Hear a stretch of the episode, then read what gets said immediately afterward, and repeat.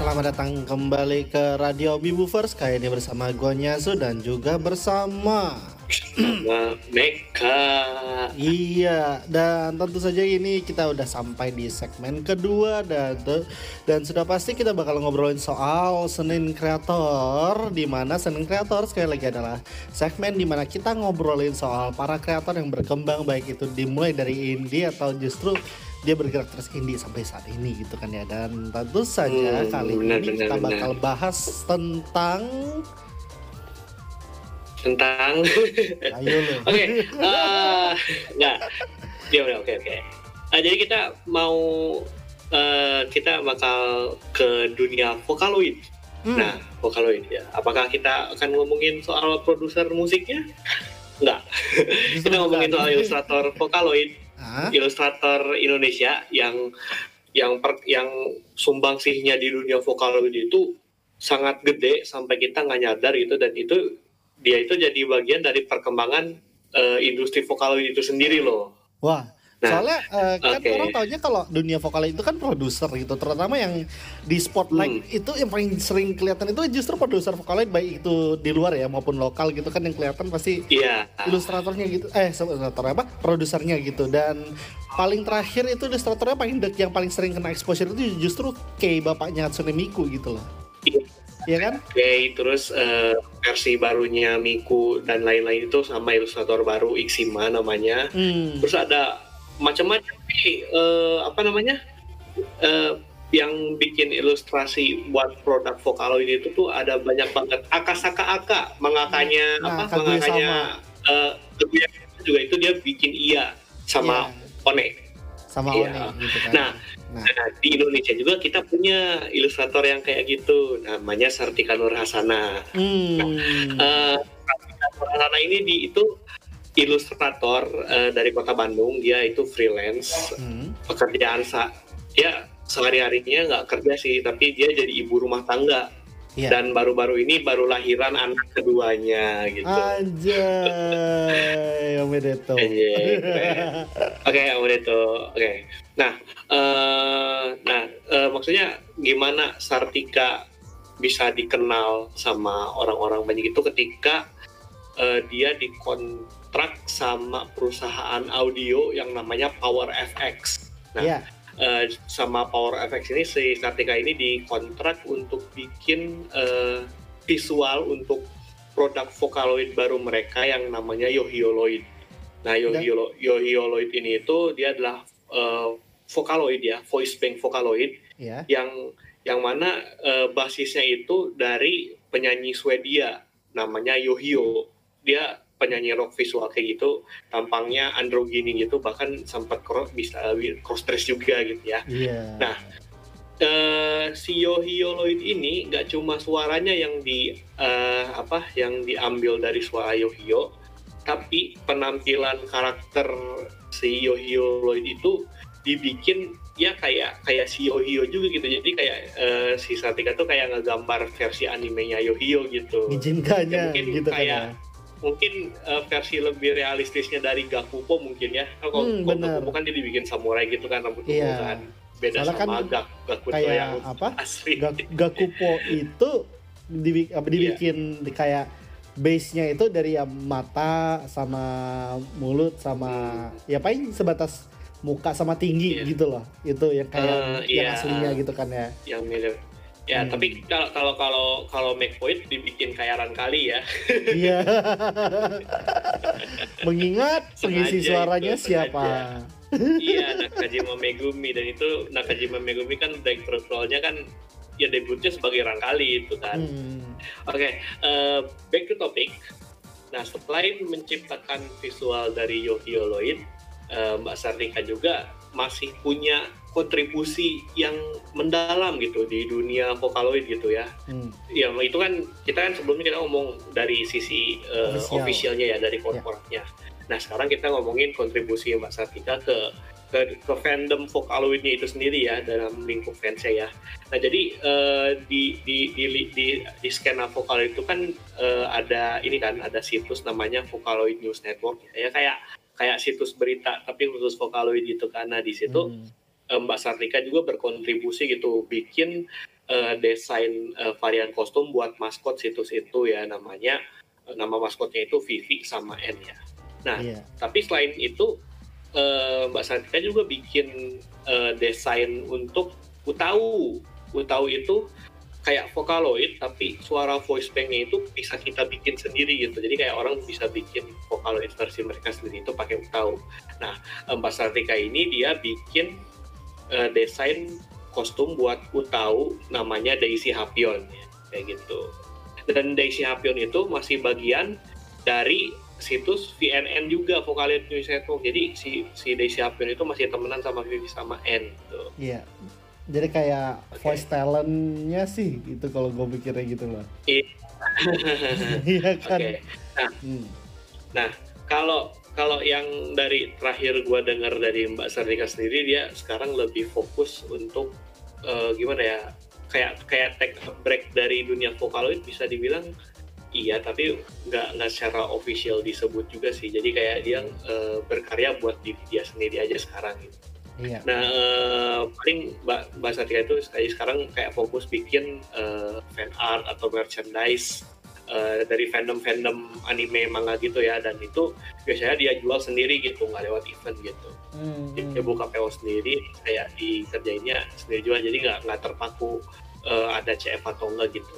Nah, okay. fandom yang uh, didalamin sama Mbak Satika ini ada ada dua ya utamanya. Uh, pertama Digimon sama kedua wait for it Sino Alis Wah, itu Wah. baru. Soalnya yeah, pas banget tadi kan kita oh. udah kayak ngomongin di sesi pertama juga gitu loh. Saya yeah. kalau ada Sino Alis gitu kan ya. Terus ada yang hmm, fandomnya yeah, juga Sino Alis, iya. Hmm, iya. Jadi kalau misalnya lu cek apa uh, kayak apa namanya profile dia gitu hmm. baik di Twitter, Instagram atau DeviantArt yang semuanya bisa lu cek di Sartika 3091 ya lu bisa lihat semua karya-karya fandom dia gitu ya dari ya baik dari apa ya baik dari Digimon uh, dari Sino Alice juga karya-karya terdulunya ya dari fandom Vocaloid gitu ya. Iya. Nah maksudnya uh, dan dan dan lucunya tuh Mas Sartika juga kayak uh, di, di bikin fan art Vocaloid itu uh, equal gitu an, dengan antara uh, Vocaloid yang gede ya kayak Miku dan kawan-kawan sampai Vocaloid yang kecil-kecil dari uh, Taiwan gitu hmm. terus kayak dari mana dari dari barat juga itu yang hmm. yang Vocaloid kecil-kecil gitu dia suka bikin fan artnya gitu jadi kayak hmm kayak lu lu bener-bener tahu ini kalau dia bener-bener fan uh, fan vokalit bener-bener suka vokalit tapi nggak nggak cuma yang bener-bener mainstream tapi kayak dia tahu juga yang ada di bawahnya gitu yang yeah. yang iya. kecil-kecilnya luar gitu, dalamnya yang, yang gitu dari lah katakanlah fandom ya, maksudnya kayak dia pengen nunjukin kalau vokalit itu nggak cuma Miku Luka hmm. atau hmm. ya nggak nggak cuma Krypton doang sih ya yeah. Miku Luka masih banyak sih vokalit vokalit keren yang bisa dieksplor makanya kayak kenapa kayak Porter Robinson juga walaupun dia tahu tahu Miku dia punya punya punya software Miku tapi dia nggak pakai Miku dia pakai Avana buat set mesin buat ah. uh, buat buat buat album words itu dia pakai Avana gitu yeah. buat buat ngisi vokalnya gitu uh, ya gue gue terakhir dengar set mesin itu abis abis mainin lagunya di DJ Max gitu terus itu kan dia nggak coba Avana kalau apa di Porter, Porter itu lah sehingga gue dia pakai iya yeah. juga gitu kan Hmm, iya, gue gue actually belum pernah denger sih. Kayaknya kayak gue hmm. baru tahu dia pakai Avana, terus kayak punya dia punya Miku, dia punya Luka. Tapi kalau kayak hmm. iya itu gue belum tahu sih. Soalnya yeah. kayak uh, Porter belum belum belum nyentuh uh, apa ya, belum nyentuh vokaloid vokaloid lagi sih. Soalnya kayak dia biasanya sekarang ngerjainnya uh, vokal vokalnya dari dia sendiri semua sih. Kalau nggak oh. dari dia dari Madeon di shelter gitu ya. Yeah. Jadi itu, oh, ibu, ibu, Kain cuma tetap megang itu aja kan nah, cuma megang apa uh, kompleks stro aja tetap tapi gitu kan ya istilahnya hmm iya kalau kalau kalau di apa uh, virtual shop itu dia balik ke musik ini sih musik DDR. Lalu uh, apa nih untuk ngomongin soal Sartika sendiri itu kan ya. Dan hmm. kebetulan dia kayak uh, selama ini meskipun apa namanya meskipun ujungnya proyeknya juga tergolong ini gede gitu kan ya untuk hitungan sebagai event artis. Vocaloid gitu kan ya. Tapi selama ini memang dia lebih itu nggak sih eh, apa low profile sendirinya kalau soal sebagai Sang- artis gitu ya low profile sangat low profile. Dia nggak punya fanpage Facebook ya paling dia cuma main Twitter Instagram Tumblr DeviantArt dan itu bener-bener I mean, dan gua rasa itu dari umur juga ya. Berarti maksudnya kayak dia udah berumah tangga juga udah punya Iya, dua anak jadi dia bener-bener dia bener-bener know know know her game gitu lah. Maksudnya dia Ah. nggak nggak nggak terlalu nggak terlalu mencari cloud lah karena Ah, karena maksudnya dia eh, istilahnya kebutuhan hidupnya sudah katakanlah terpenuhi gitu kan Hmm, dari keluarganya jadi kayak dia menggambar itu ya sekarang lebih ke hobi gitu ya. Hmm. kayak side income ya side income bagus tapi ya utamanya dia menggambar untuk kepuasan diri sendiri gitu. Untuk Iya. ya mungkin untuk sedikit refreshing dari penatnya kehidupan berumah tangga probably. Nah, iya tapi bener. gue yakin eh, ya tapi gue gue gue gue berdoa sih maksudnya keluarganya Mbak Sar- Sartika ya langgeng dan bahagia dan mungkin eh, apa namanya eh, hobinya Mbak Sartika atau dan segala skill yang ia dapatkan mungkin ah, mungkin bisa turun ke anaknya juga ya mungkin. Iya. mudah-mudahan ya lahir Mudah-mudahan. eh, generasi baru kreator soalnya kayak apa namanya secara kalau misalnya pun dibilang robot kan tadi kan ngomongnya banget gitu kan ya dan pas banget ini angkatannya angkatan DeviantArt gitu loh bukan cuma di bukan cuma kayak angkatan artis medsos maksud gue gitu ngerti kan kalau misalnya kita udah Hmm. ngomongin soal artis yang udah mulai ramai di medsos itu pun nggak jarang emang karena dia, dia apa antara go public atau napaknya itu ya mulai dari medsos gitu loh sementara itu Hmm. kalau yang untuk angkatannya ini angkatannya Sartika sendiri itu emang dari DeviantArt banget gitu loh dan beberapa Oh, kayak iya. yang ini kan jebolan DeviantArt yang gua yang gua kenal juga beberapa itu emang ada yang udah jadi official juga di mana gitu kan ya dan sekarang Hmm. tapi ya itu medsosnya low key rata-rata gitu Hmm. Hmm. itu Sayoko juga jebolan Deviant Art sih iya. Sayuko Mas Jojo siapa lagi tuh masih sama-sama udah berumah tangga juga Ah, ah, gitu itu jadinya nah kira-kira gimana Nek? oh ya ya ya sebenarnya eh, ilustrator Indonesia yang berkecimpung dan berkontribusi di dunia vokaloid itu nggak cuma Mbak Sartika aja ya masih ada Hmm. satu lagi yang mungkin bisa dibahas di Senin Kreator edisi selanjutnya iya itu Siapa dia? ada. tunggu aja iya jadi itu pasti ada soalnya kayak eh, kalau kita lihat balik li- lagi itu ya eh, Hmm. beberapa sih sebenarnya udah ada yang jebolan vokalnya juga gitu misalnya kayak em, apa kalau dari sisi vokal lah ya gitu kan ya Hmm? itu eh, yang kolab teman kolabnya apa nih Facebook gitu kan yang kayak si ini Redshift gitu kan jadi oh iya. Itu juga salah satunya gitu. Itu benar-benar iya kita kita salah satu apa namanya? Hmm. kita salah satu apa kontributor eh, industri vokaloid ya iya kayak benar itu lagi lagi kita mungkin kayak kita uh, Miku Expo tuh di Asia Tenggara cuma di Indonesia kan? Hmm. atau di. Malaysia juga ada? Kenapa Miku Expo di Miku Expo di Asia Tenggara tuh di Indonesia aja atau ada di negara lain juga sih kayak di kayaknya Malaysia gitu. eh, emang di Asia aja waktu itu kan emang cuma sekali aja gitu loh seingat gua gue cuma Iya, tahu ada, ada one, one time thing gitu. Ah, Biar jadi kita, kayak kita itu. hoki banget. Hmm, dan tentu saja eh, apa sih namanya dalam waktu 10.30 nanti kita juga bakal langsung ke sisi ketiga alias obrolan nanti ya di 10.30 jadi kalian jangan sampai lewatin karena sebentar lagi kita akan mulai itu. Tapi sebelum itu kita masih ngomong soal kreator dulu gini gitu. Jadi Hmm. eh, ngomongin soal yang tadi alias apa namanya eh Vocaloid News Network itu sebenarnya nama yang legend banget. Kayak gue beneran udah udah lama kayak udah lama nggak dengar gitu karena apa namanya ujung-ujungnya kan sekarang kan kalau untuk makhluk internet kan meskipun apa nih rata-rata komposernya udah graduate gitu loh meskipun masih ada yang pakai gitu Iya, kan graduate. iya komposernya Ah. udah graduate dari ini dari dunia Vocaloid gitu loh dan tahu-tahu ada yang Iya. jadi solois ada yang dari Niko Niko chorus terus jadi apa vokalis lagi gitu loh dan ya maksudnya go Hmm. public gitu gitu kan ya releasing album dan Ah, ada yang ada yang semacamnya ngeband juga gitu kan. Ah, ada Aduh, gila itu juga. Dekri Toki. Aduh, gila Toki gila. Asahi Asahi si Simburo gila. Mosa lucu, Mosa lucu. Iya itu salah satunya dan apa eh, ada juga sih sebenarnya sih kayak wibu Vocaloid yang ujung-ujungnya jadi ini apa namanya jadi VTuber gitu loh beberapa di antaranya singkat gue itu jadi apa namanya kayak Hmm. emang itu da apa nih kayak dari dulu sampai sekarang gitu kan ya Sartika itu udah beneran jadi ini kayak time capsule buat Vocaloid yang waktu pas populernya sama waktu pas Iya. sekarang lagi adem-ademnya gitu loh itu kan ya. Hmm, bener Iya bener kan? bener bener bener bener. Nah, dan apa Oke. namanya? Hal yang paling fortunate di sini gitu kan ya.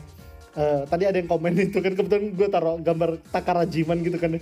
Jadi ada yang nanya, kan gue taruh gambar Takarajiman karena kebetulan tadi pas waktu lagi idol gitu kan kita kan lagi bahas soal VTuber dan kebetulan kemarin lagi ada streamnya si Takarajiman sama ini apa eh Tama, oh Noraneko gue lupa oh Fumino Tamaki dari Niji Sanji Jepang Hmm. Kolabnya sangat sangat awkward. Karena rupanya gini jadi yang yang satu ngomongin soal VTuber apa Niji Sanji ID gitu kan ya. Jadi dia kirain Hmm. Niji Sanji ID itu VTuber India bukan Indonesia gitu makanya kocak sih. Ujung-ujungnya jadi kocak stream itu itu Oke. semuanya sama serba awkward. Dan Yes, itu yes. juga tentu saja bahan obrolan buat di kemudian hari karena itu kocak banget sumpah. So without further ado dan tentu saja tanpa menunggu waktu lama kita bakal ngobrol bareng kali ini dengan sosok yang tidak lain tidak bukan adalah founder dari salah satu kalau bisa dibilang salah, salah satu the sih media yang Iya. berpengaruh bagi lingkungan wibu lokal gitu loh. Dan tentu saja ini tidak lain dan tidak bukan adalah Bapak Randi Ali. Yeay. Halo, selamat datang. Datang. Halo. Oh, Halo. Kedengeran nggak suaranya? Kedengaran jelas kok. Kedengeran. Oke oke. Dan iya, ini udah ini beneran kayak udah hisasiburi banget sih, gak sih itu? Karena Iya. gue juga sendiri ya udah lama. Yasu udah berapa tahun ya? Hmm. Iya, udah berapa tahun? Mau kayak maksudnya kayak tahun lalu terakhir ngobrol gitu baru sekarang ngobrol lagi. Iya. Akhirnya. Eh, Iya, lama udah banget. lama banget. Hmm. Dan lama mereka juga udah lama banget. Iya, lama banget. Hmm, dan tentu udah, saja udah, udah. kebetulan Ya. Apa nih kebetulan kan juga baru berapa hari yang lalu istrinya juga baru bisa lahiran anak pertama ya jadi ya jadi Ah, selamat ya, buat sama, bapak Randi sama. Ya, thank you thank you. jadi Thank you thank you. Hmm, kebetulan sih karena gue apa namanya mau ngobrol di radio ini karena eh, kebetulan topiknya menarik. Mm-mm. Apalagi kan kita pengen gali insight juga soal gimana sih waktu itu hidupnya waktu dari pertama hari-hari pertamanya media perwibuan di Jepang di Indo gitu kan ya. Seperti yang kita tahu itu kan eh, early early 2010-an ya kalau nggak salah itu waktu Joey pertama berdiri gitu kan ya. Waktu pertama 2012 Desember Hmm, kan? YouTube. Iya di YouTube lagi gitu.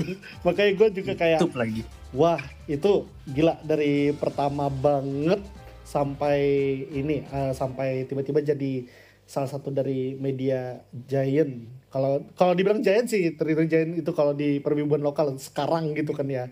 Makanya itu udah kayak Ya, progresnya sebenarnya luar biasa banget gitu loh. Serius.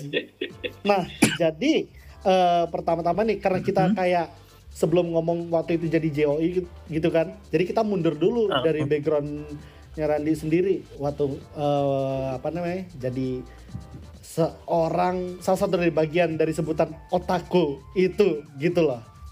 Nah, jadi kan kepanjangan jurnal otaku Indonesia kan jur, apa nih JOI kan jurnal otaku Indone- Indonesia gitu. Jadi ingat nggak sih waktu apa pertama kalinya lu terjerumus ke dunia anime manga sama atau nama lainnya otaku dom gitulah kira-kira ingat nggak waktu dulu itu? In- inget samar-samar sih ya. Jadi Hmm. Gue dulu kan eh, ingetnya ya biasalah kalau misalnya kita ngomong masih kecil mah Doraemon segala lah ya. Iya. Itu mah nggak usah lah dulu bahkan gue nggak tahu kalau film-film Doraemon Ninja Hattori itu buatan Jepang Wah. gue kecil gue taunya oh itu ada film film kartun selesai Hmm.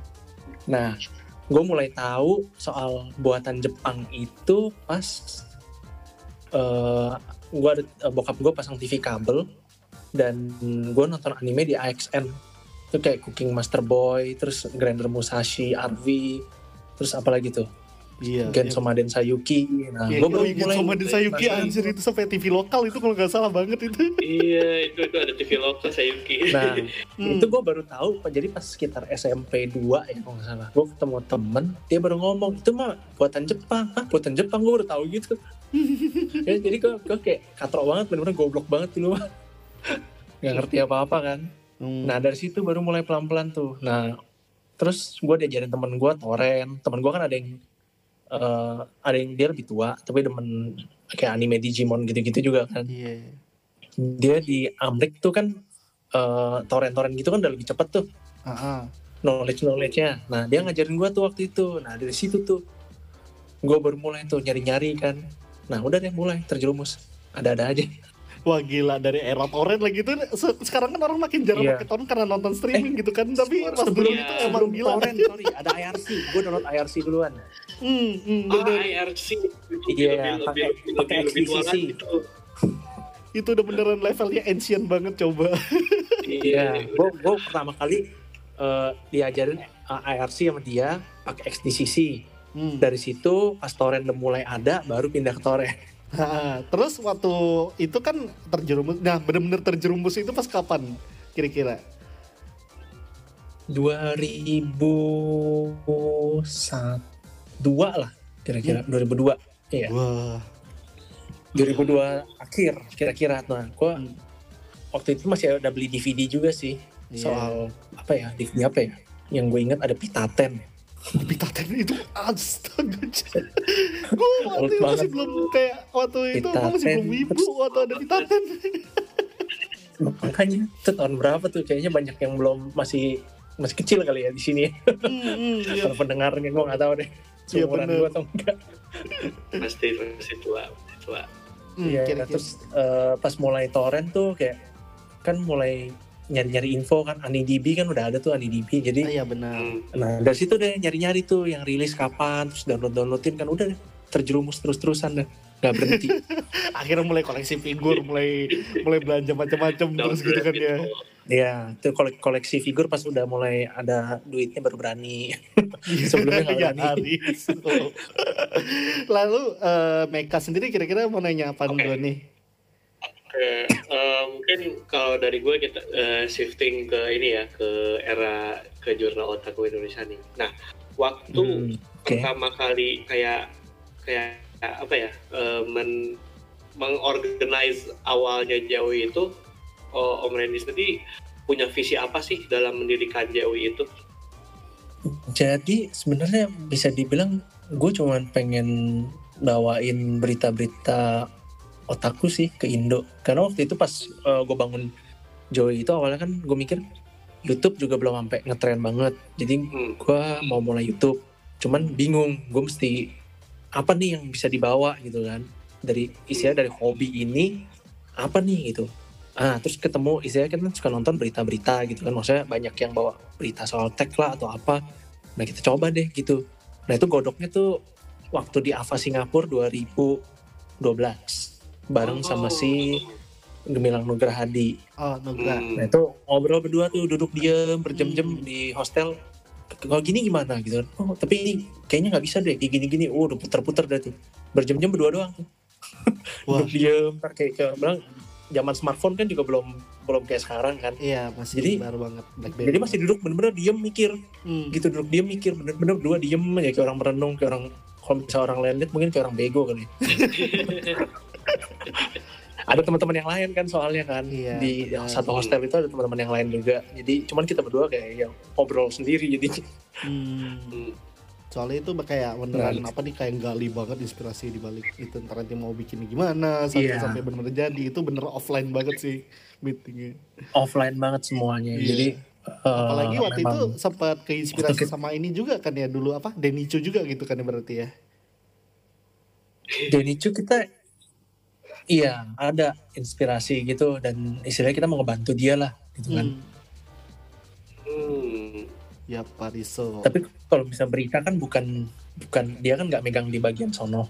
Iya benar. Jadi gue cari apa yang istilahnya di Indo tuh apa sih yang belum ada gitu kan. Memang sih sebenarnya kayak setelah udah beberapa tahun jalanin JOI gue baru tahu oh iya ada Kaori ya berita gitu kan. Iya. Tapi gue karena memang gue bukan yang tipe konsumsi berita gitu kan. Jadi gue nggak gitu tahu gitu. Oke, bener-bener itu buta banget itu pendekatannya gila. Iya, jadi gue waktu itu gue bener-bener kan cuman apa sih cari cuman cari karena kan gue langsung cari info tuh langsung ke website-website luar. Hmm, Jadi otomatis gue nggak gitu ngikutin yang perkembangan lokal. iya. Oh.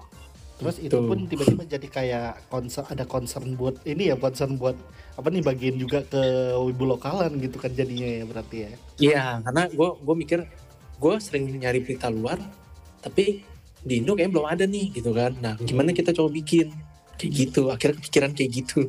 Wah luar biasa. Apalagi waktu itu gue ingatnya itu kan kebetulan kalau yang kita ngomong soal media wibu paling ramai itu kan memang sekarang itu kan Kaori, JOI gitu kan. Kebetulan waktu itu Kaori masih statusnya itu forum yang mau transisi ke newsline Forum. dan itu jadi kayak Iya.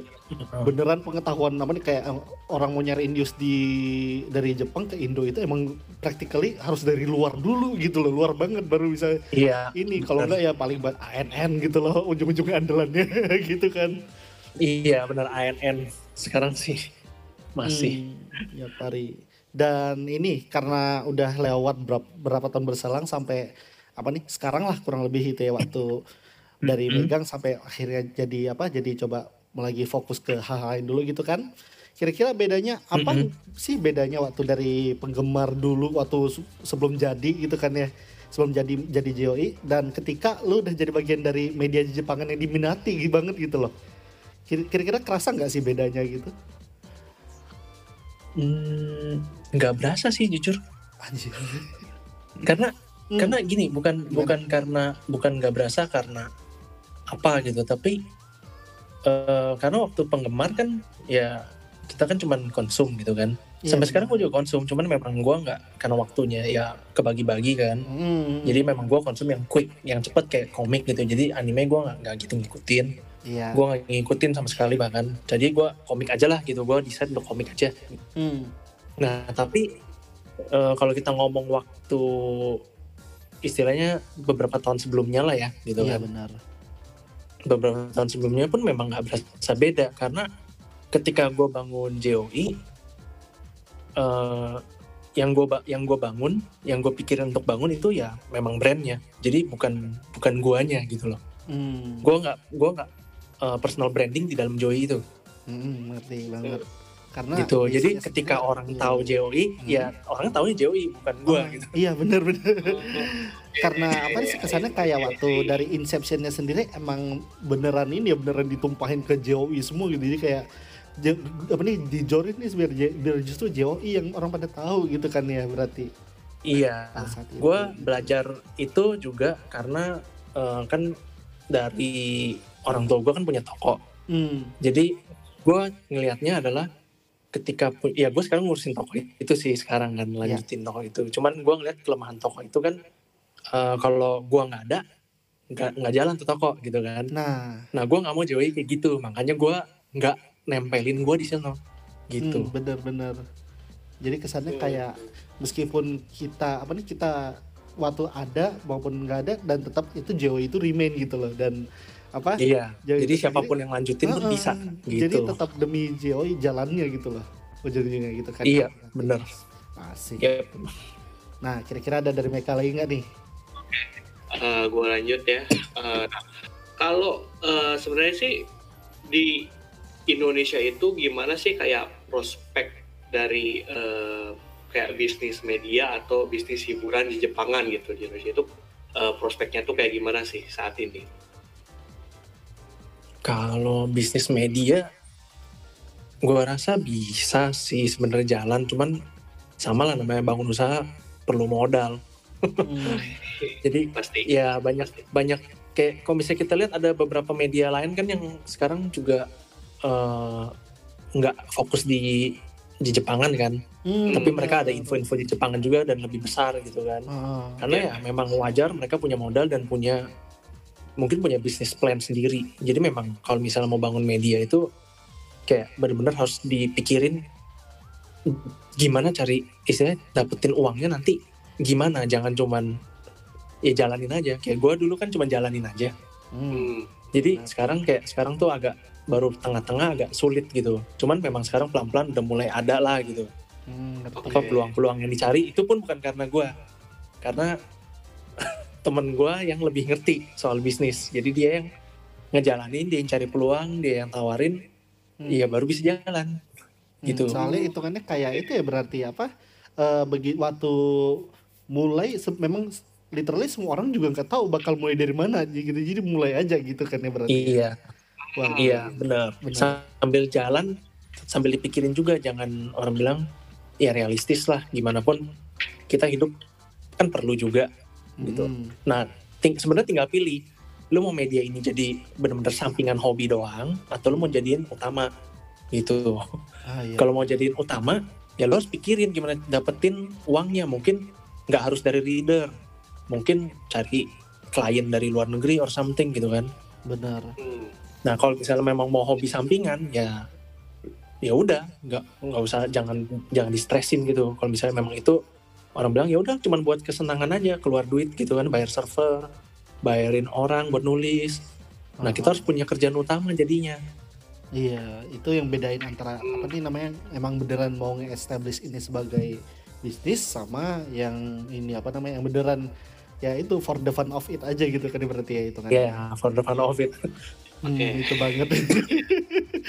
Jadi eh, kan ini apa sih namanya waktu tadi kan udah ngomong soal bi- sebagai bisnis tuh ya. Tapi kalau misalnya kita ngomong tentang yang sekarang kan eh, lu sendiri kan itu kan Ren lagi fokus sama berbagai hal lain gitu kan ya. Jadi waktu waktu waktu sempat pada saat itu fokus ke ini JOI gitu kan. Seberapa penting nggak sih itu eh, komunitas di dalam ngebangun brand dalam hal ini JOI gitu kan di dalam kalangan wibu gitu. Kira-kira sempat ini nggak sih kepikiran nggak sih seberapa pentingnya komun itu gitu? sebenarnya kepikiran sih karena memang salah satu kesalahan kita ya komunitasnya nggak terlalu di apa nggak terlalu dipegang gitu Hmm. jadi memang harusnya dibangun komunitasnya ngobrol ya sekarang kan pelan-pelan ada Discord juga nih Joey sekarang Nah iya bener. Nah, tapi memang eh, belum aktif karena eh bukan belum aktif, aktif sih aktif, tapi nggak gue belum tahu sih di dalam karena gue nggak gitu aktif di situ juga ya. Bener-bener. Jadi kayak ngegali dulu. tapi memang dipegang istilahnya harus gitu harus kan ada yang yang eh, ngurusin komunitasnya itu sih. Hmm, bener. Jadi kayak Hmm. ngegali dulu waktu apa nih waktu pas baru adanya juga gitu kan ya berarti itu. Soalnya kan waktu dulu itu juga sempat Mm-mm. sebelum eranya Discord nih. Sebelum era Discord itu malah sempat ki- bikin ini bikin itu juga kan platform blogging sendiri dulu gitu kan. Sempat Ah, muncul iya, meskipun waktu itu. itu cuma nggak lama My gitu kan ya waktu itu. Ah ya, main JOI, heeh. Iya, Iya, itu dulu gua soalnya sempat tulis. inget inget juga gitu kan. Iya. Malah beberapa penulis kita yang sekarang tuh dari sono beberapa. Iya berapa? Salah satunya nih yang lagi ngobrol. Iya makanya. Iya, jadi ya apa namanya dan beberapa dan juga ya yang bisa apa namanya yang bisa gua dapat dari itu juga kayak apa ya? eh, waktu meskipun terlewat itu emang kalau sekalinya dapat bakal ini bakal bakal bakal kebantu banget loh sebenarnya berarti ya buat itu buat Memang. nama semua brand, bukan nama yang saya kayak ngeba- ngebangun sebuah brand itu bagi para Iya. ini kan lingkungannya lingkungan yang ditargetin gitu loh. Kalau dalam hal ini kan pada di Iya, kalangan benar wibu nih gitu kan ya. Berarti kebangun Mm-mm, banget. itu salah satu bisa dibilang salah satu kesalahan yang dilakukan. Karena kekurangan manpower juga. oh. Iya dan- Iya, tapi seenggaknya kan dalam hal itu kan eh, apa namanya ini juga jadi bagian dari itu bagian dari yang kayak yang kita kita ini juga yang kita dapetin ketika kita udah ngejalanin ini yang ngejalanin brandnya itu juga ya berarti ya gitu Iya. Dan eh, salah satu bisa kekurangan manpowernya sebenarnya ya gue baru kepikiran sekarang sih. Kenapa Hmm. kurang manpower gitu? Hmm. Karena yang pas bangun bangun JOI itu rata-rata yang seumuran gue gitu. Hmm. udah tua-tua semua. Jadi ketika Iya, iya, iya. masanya mulai masuk, Ah, masuk benar. mendekati 30 tuh udah pada istilahnya ya kita butuh penghasilan gitu. Hai, hai, wakaru. Nah, waktu ini susah untuk ngebagi. Udah udah istilahnya kalau dari penghasilan tetap otomatis biasa umumnya orang kerja capek pulang maunya enjoy aja gitu kan. iya. Males untuk kerja lagi. Hmm. Nah, itu kita nggak ada permajaan. Hmm, Wakaru. Nah, salah satu mistik kita begitu. Jadi kita nggak kurang nyari istilahnya orang anak penulis-penulis jiwa-jiwa muda. jamu-jamu muda dan tentu saja yang bisa kami bisa ngebaca dan relate dengan yang ini ya kalau misalnya pun Iya. antar generasi ya Hmm. gitulah gitu ya berarti ya. Iya, benar. Hmm. Nah, sekarang baru pelan-pelan. pelan-pelan tapi pasti masuk. Iya, Lalu eh, pelan-pelan, Meka sendiri ya. ini kira-kira ada yang ya. uniknya nggak tuh? Eh, nah, eh, kan eh, maksudnya di Indonesia ini kan kita eh, ada macam-macam apa ya kayak Hmm. kayak katakanlah skena ya kayak kayak yang suka Jepangan, yang suka Koreaan gitu dan masih banyak Mm-mm. sebagainya sih ya. dan itu kayak mungkin agak nggak balance juga sih antara eh, masing-masing fandom atau dan segala macam itu. Nah Ah, kalau menurut Om sendiri agar hiburan di Jepangan bisa booming in- di Indonesia itu apa sih yang harus eh, dilakukan? kayaknya yang harus dilakukan banyak sih. Hmm.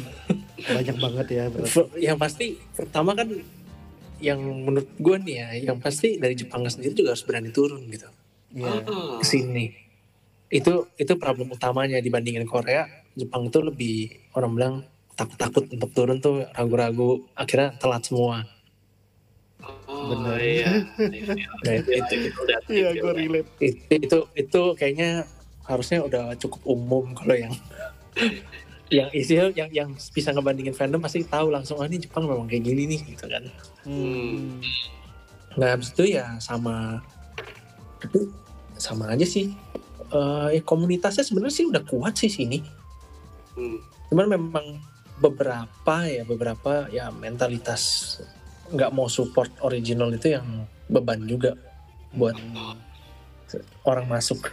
Iya, itu juga kayak apa nih konsekuensi karena kayak orinya masuknya lama banget juga gitu kan ya. Jadi kayak kesannya Iya, konsekuensi daripada apa mulainya dari sini gitu kan ya. Jadi berat banget gitu. iya. Jadi ser- sebenarnya serba orang bilang serba salah. Jepang mau masuk, tapi takutnya yang di sini nggak mau keluar duit.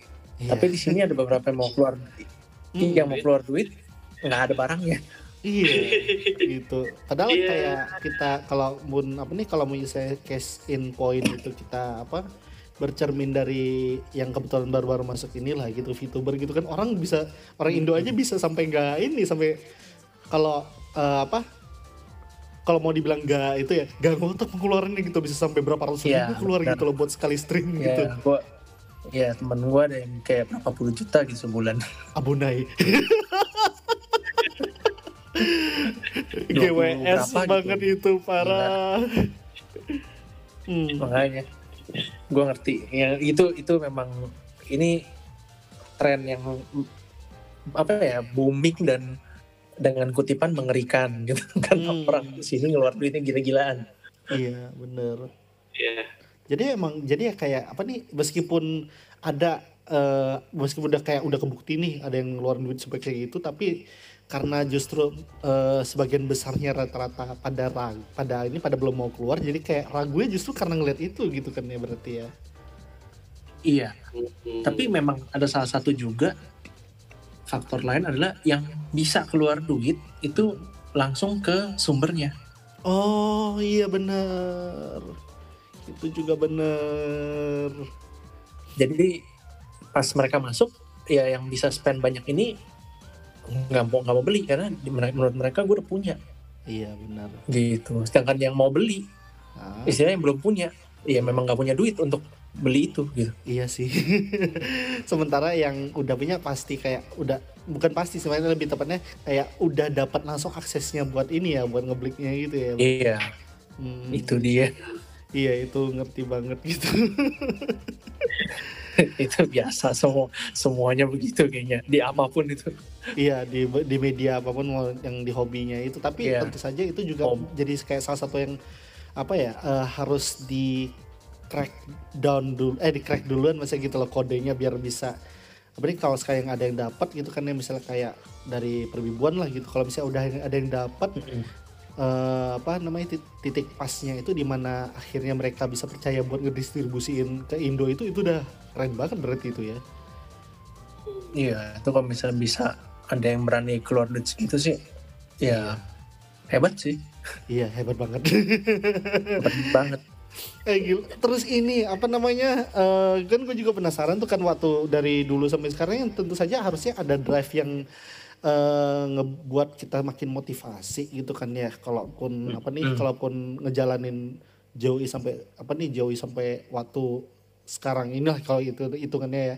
Jadi eh, yang bikin gue penasaran itu karena baik lagi Joey itu kan itu nggak lepas dari kata otaku gitu kan, nggak lepas dari kata otaku, ngebahas otaku dom gitu pasti ya. Karena nggak lepas juga dari dedikasi wat- dari otaku pada generasi alias kayak ini karena Randi sama itu sama Nugra juga gitu loh. Kayaknya nggak bisa Heeh. lepas dari itu. Jadi waktu kepikir yang bikin kepikiran itu kira-kira ada nggak sih sosok panutan dari anime manga itu yang bikin drive itu ada gitu loh. Iya, yang tadi gue sebut awal kan si Denny, Denny Cho itu pertama. Iya. Setelah itu sih belum ada lagi sih. Jadi emang pure setelah setelah itu selesai, Mhm. maksudnya ya eh Nabes Denny terus kan kita kayak menjalanin JOI kan memang agak beda sama dia punya kan. Hai. Jadi kita jalanin cuman sesuai eh, keinginan, saya drive-nya cuman dari keinginan pengen bangun brand ini aja gitu. Wah gila, berarti itu kan kayak ini ya, kayak emang bener-bener passionnya itu justru dari otaku untuk otaku gitu kan ya berarti ya. Hmm. Iya, bisa dibilang begitu. Wah banget. Soalnya keren banget kalau bisa ini loh kayak kayak waktu itu kan emang juga kita kayak mau dibilang sosok panutan sih. Kan rata-rata pasti ngomongin soal karakter virtual juga gitu tuh kan ya. Dan kalau kita pikir-pikir lagi kayak eh, kalau sebagai konsumer tentu saja biasanya ya itu yang bikin drive mereka untuk terus beli gitu kan ya. Tapi kalau justru sebagai seorang ini kreator gitu kan ya. Apalagi kalau dalam dalam artian ini kan eh, salah satu dari kreator eh, media pertama yang aktif gitu ya. Aktif di awal tahun 2010 sampai sekarang gitu kan. Dan ketika drive-nya justru itu ngebagi eh, apa namanya ngebagi kabar dari otaku untuk teman-teman otaku lokal gitu dan itu ya admirable banget dulu sebagai golnya itu loh itu emang keren banget Oke. Ayo. langsung kayak jawab gue langsung mau maju seperti gitu kan ujungnya kayak serius itu emang apa nih passionnya sendiri itu emang admirable banget gitu serius gue gue bilang.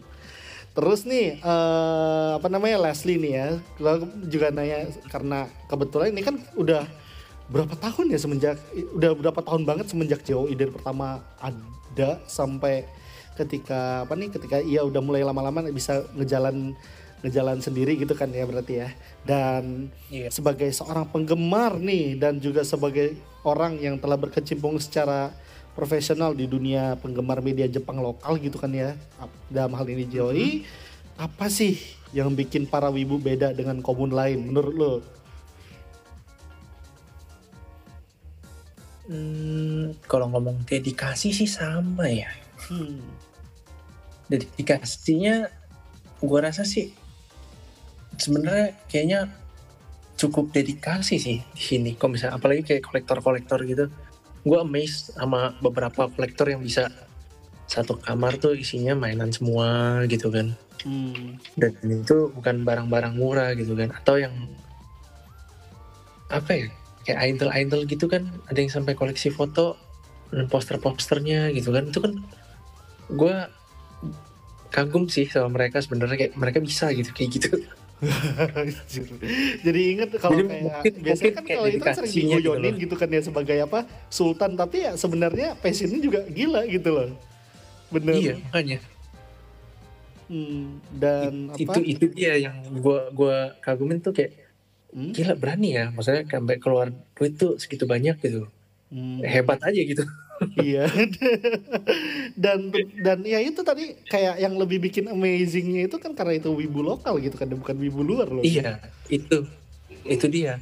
Karena bisa dibilang kan kurs kita ya nggak nggak sekuat kurs luar gitu kan. Iya benar. Dan mereka tuh bisa gitu loh sampai keluar segitu banyak gitu memang mungkin duit mereka berlebih gitu kan Hmm. memang pasti ada lah duit mereka lebih dari itu tapi tetap aja kan nggak semua orang duit pun lebih pasti koleksi segitu banyak belum tentu kan? Belum tentu. Nah, yang bisa koleksi segitu banyak itu yang gue kayak wow hebat juga nih hebat banget nih orang gitu kan. Iya apalagi yang udah punya patung life size lagi aduh. Nah apalagi orang life size gue nggak tahu di Indo ada nggak? Ada. Coba ya itu berteriak tuh ya? di dalam itu kalau ngeliatnya itu itu itu benar-benar dedikasinya 100 persennya benar-benar 100 persen nggak kurang tuh kayaknya Hai.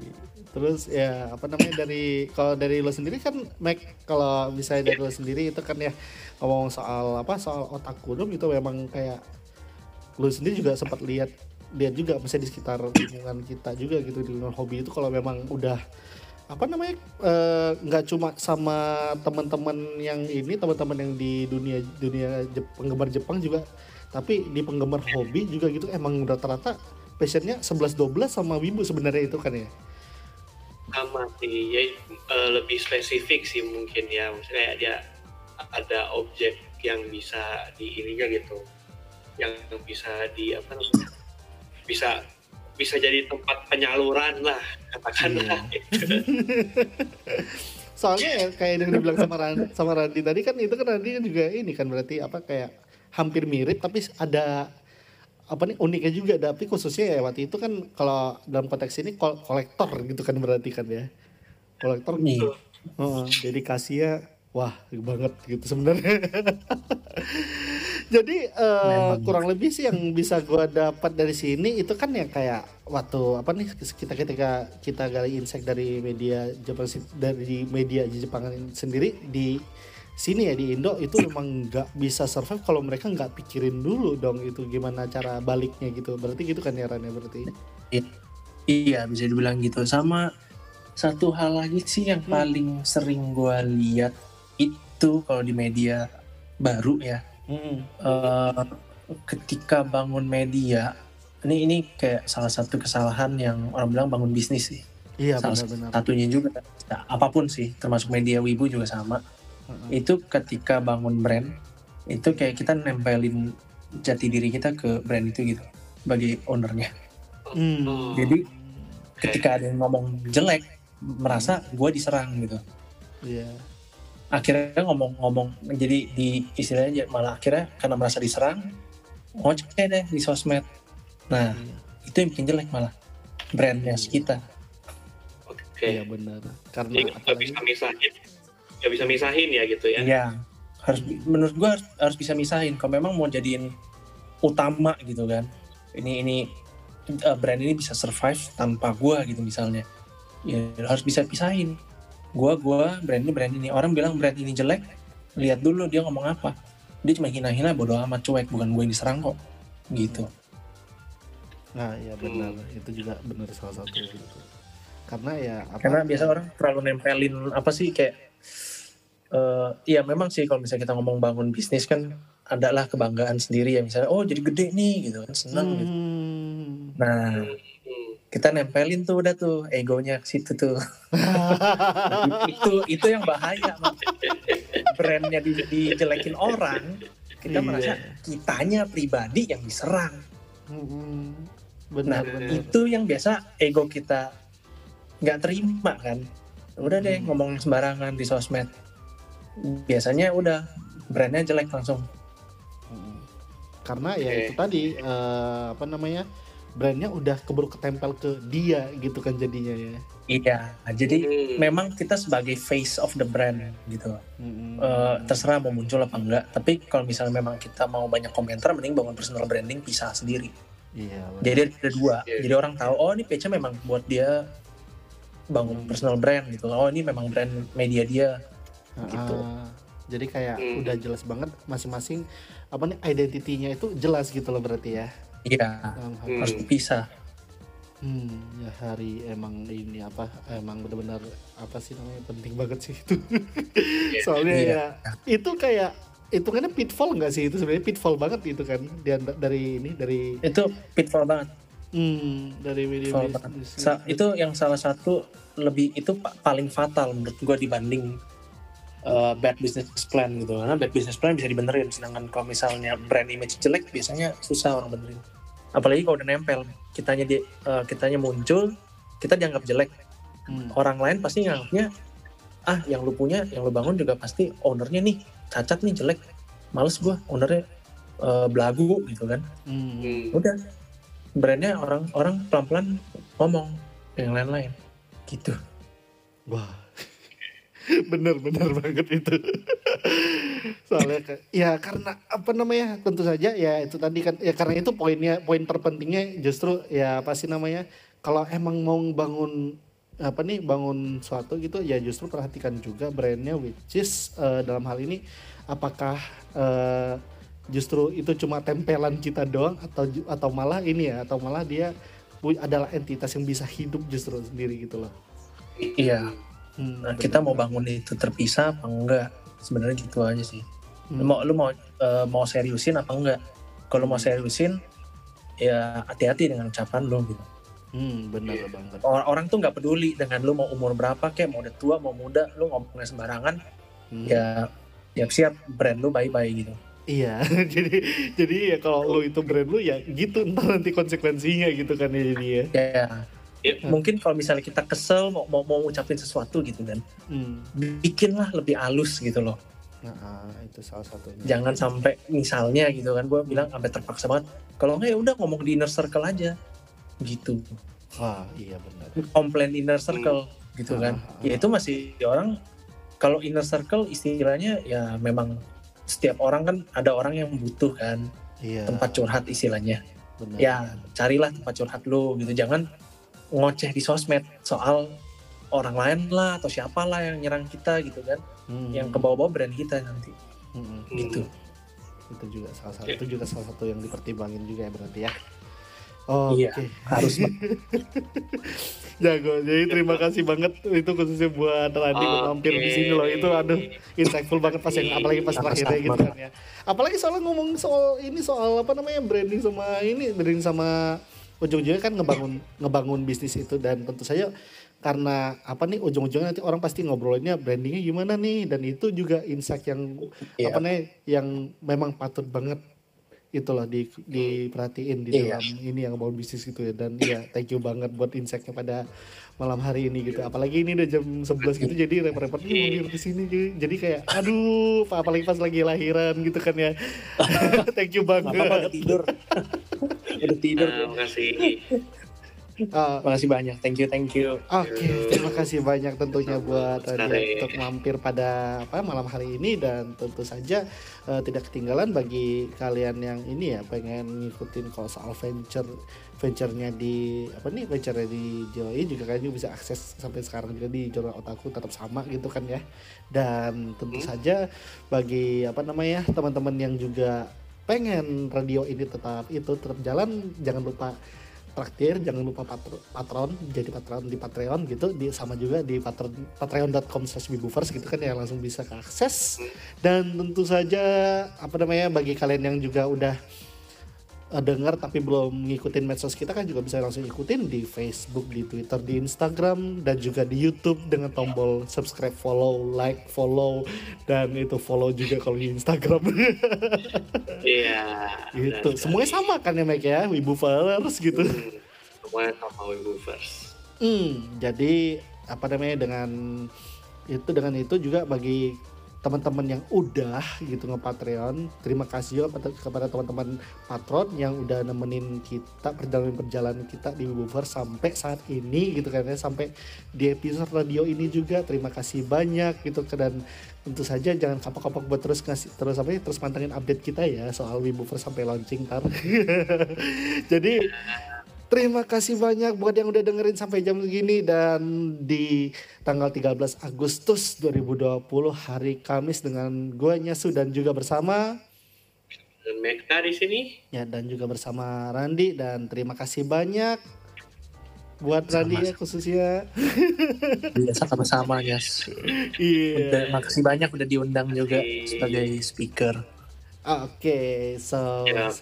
terima kasih buat dengerin Radio Wibu First pada hari ini. See you next time dan di minggu depan kita bakal ada guest baru lagi gitu kan ya dan juga tentu saya Senin Creator berhubungan sih dengan Senin Creator akan baik ya. Hmm. Banget. Iya. Ada, ada? Kalau diamnya panjang berarti udah banget ada. gitu. Jadi bakal ditunggu. Thank you very much and see you next time. Oke. Bye. Bye.